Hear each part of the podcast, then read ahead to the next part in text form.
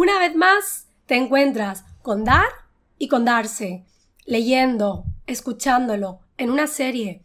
No entiendes nada. ¿Qué significa? ¿Otro significado nuevo? ¿Y por qué aquí hay un me?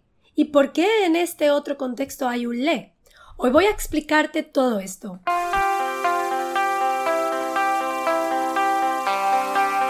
Bienvenidos! Yes, this podcast will be in Spanish, but it is actually a lesson with theory and practice. Let me tell you more. This is Carmen, an online teacher with a mic, who has just included an exercise to practice with this topic, the transcripts, the translation, and a vocab word list. It took me forever. Would you take a look?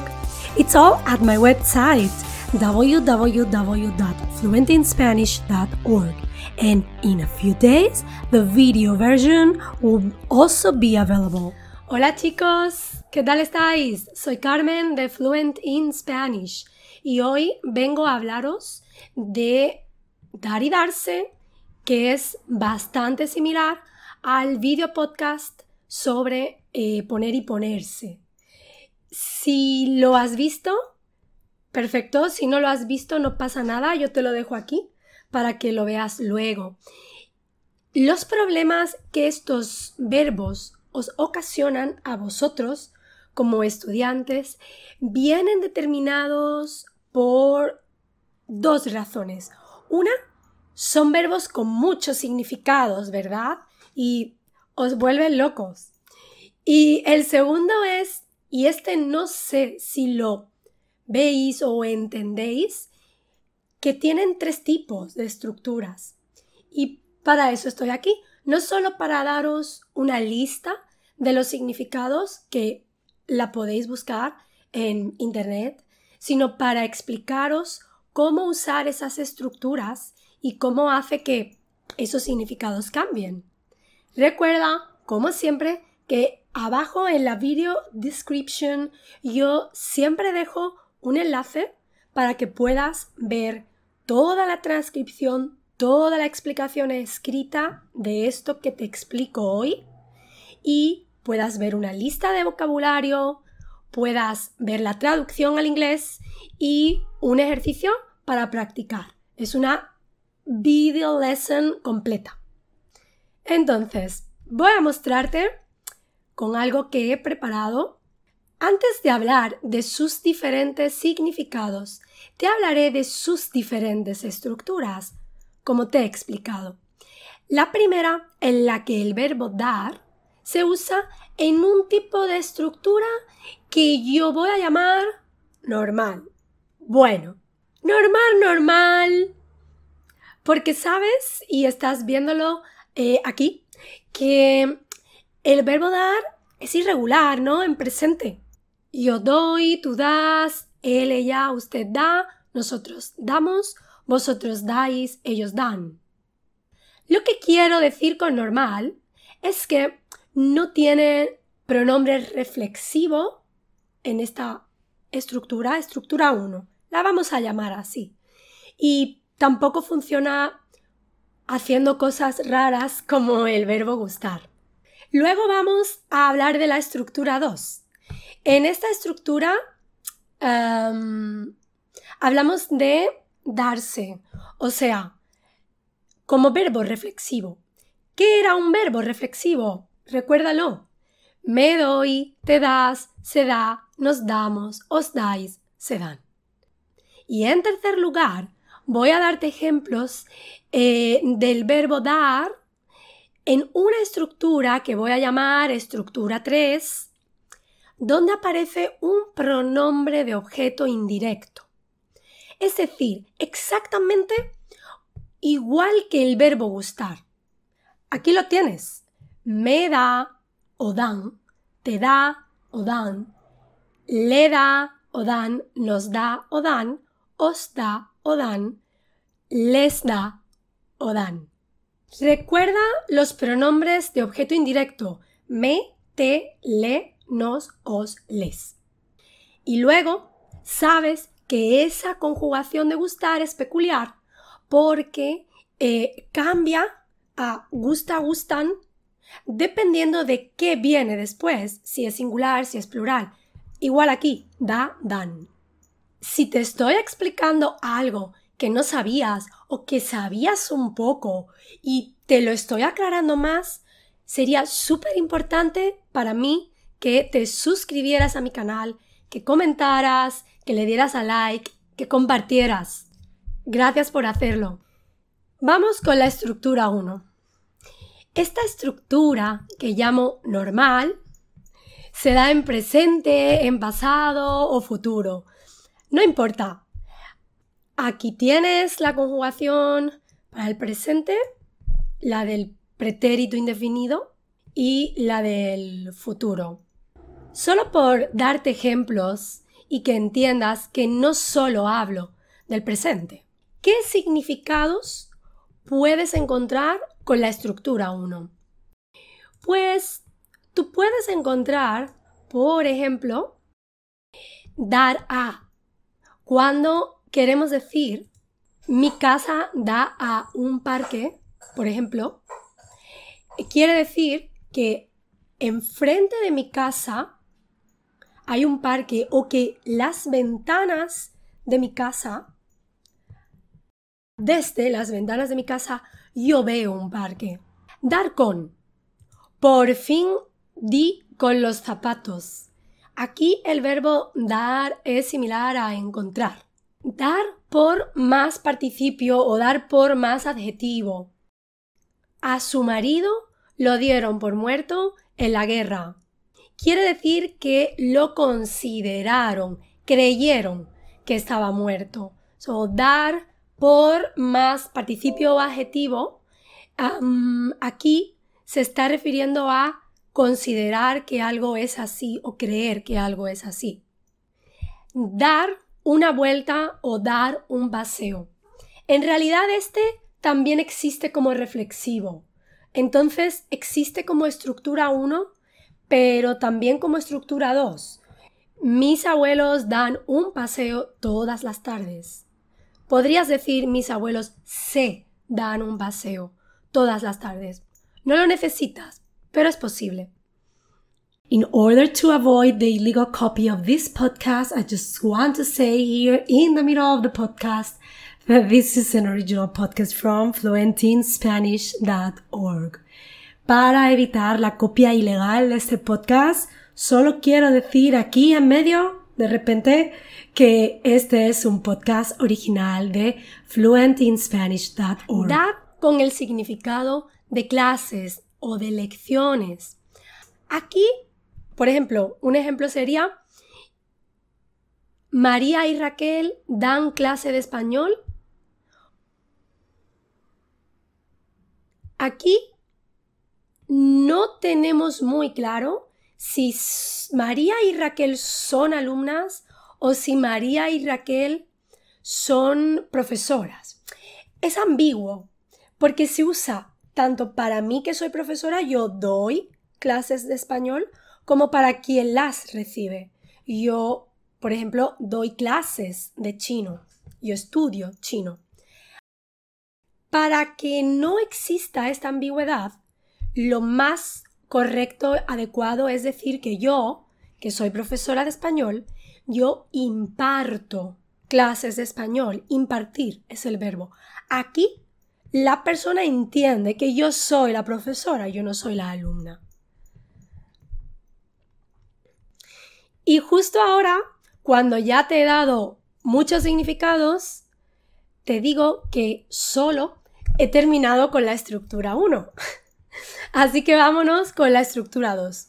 La estructura 2 es una estructura donde, recuerda, hemos dicho antes que es una estructura con verbos reflexivos. Una estructura donde dar es un verbo reflexivo, es darse en realidad. Darse a es como entregarse a algo. Si yo digo desesperado por no poder pagar sus deudas, Mario se dio a la bebida. Darse con o contra. en el sentido de golpearse. Aquí tenemos se dio con la puerta y ahora tiene un chichón.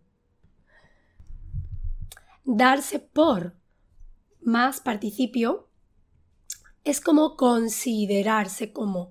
Un ejemplo, aunque hemos escrito un aviso en la puerta para que lo lean todos, ellos no se dan por enterados. Quiere decir, ellos ignoran esto, se comportan como si no lo supieran. Es un poco como to pretend in a way. En este es caso específico. Y uno que seguro, seguro conoces, porque todos mis alumnos lo conocen, pero se niegan a recordarlo porque no les gusta. El to realize, el to realize que todos queréis decir realizar. No, realizar es hacer algo, el darse cuenta de. Y por favor, darse cuenta de. Necesitas el de, siempre. Es como eh, notar, percatarse de algo.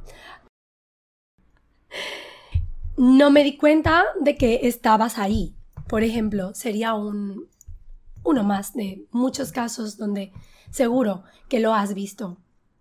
Dar de cabeza, dar de narices, normalmente se usa así. Se usa como dar de cabezas, dar de narices. Aprovecho para presentaros a nuestra nueva ayudante, nuestra nueva cat assistant de español.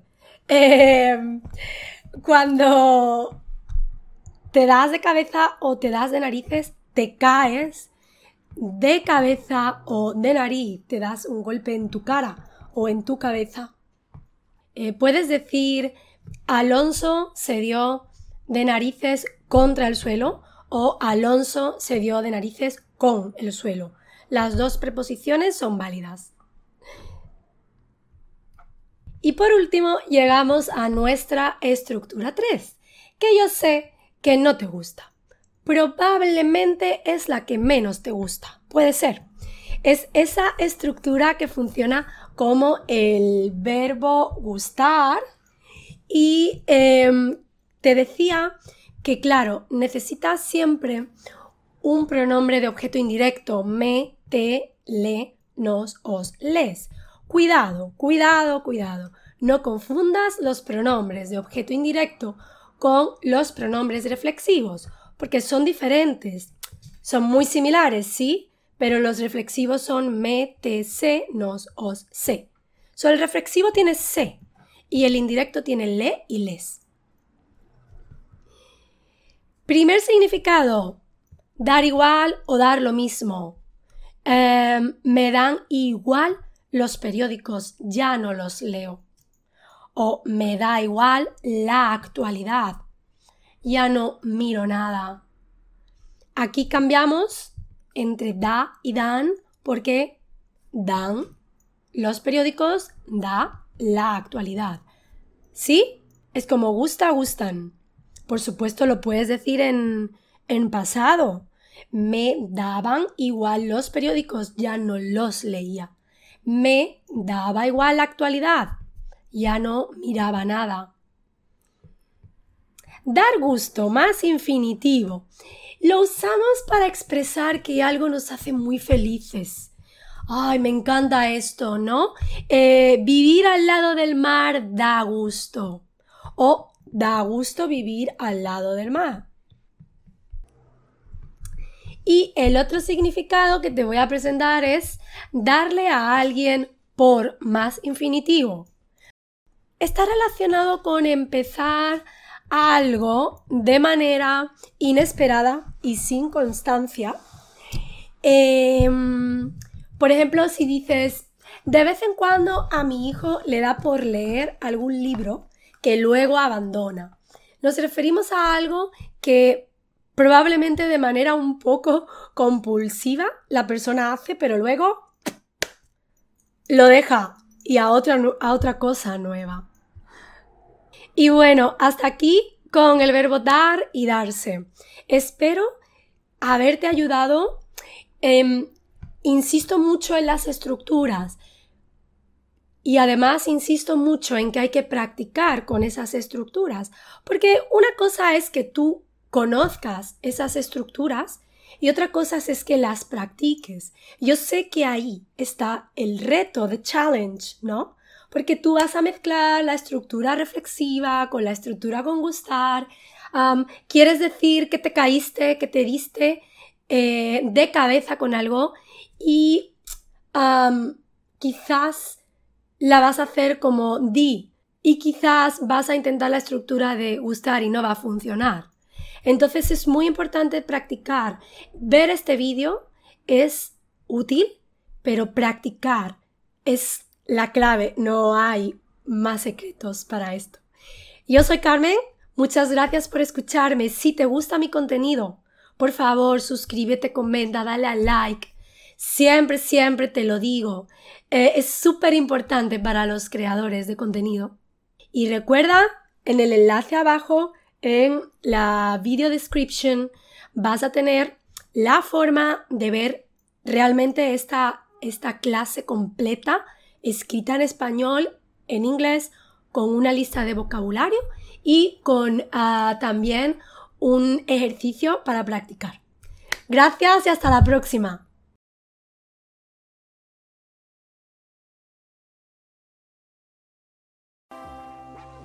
How was it? I highly recommend you to go now to my website fluentinspanish.org and make sure you understood everything by checking the transcripts and translation. Another thing you can do is start the next podcast by reading the vocab list first. I have it below the transcripts. Then listen to the podcast and then listen again and read. There are different ways to do it. You choose. Let's work together on your goal of becoming fluent in Spanish. Hasta pronto!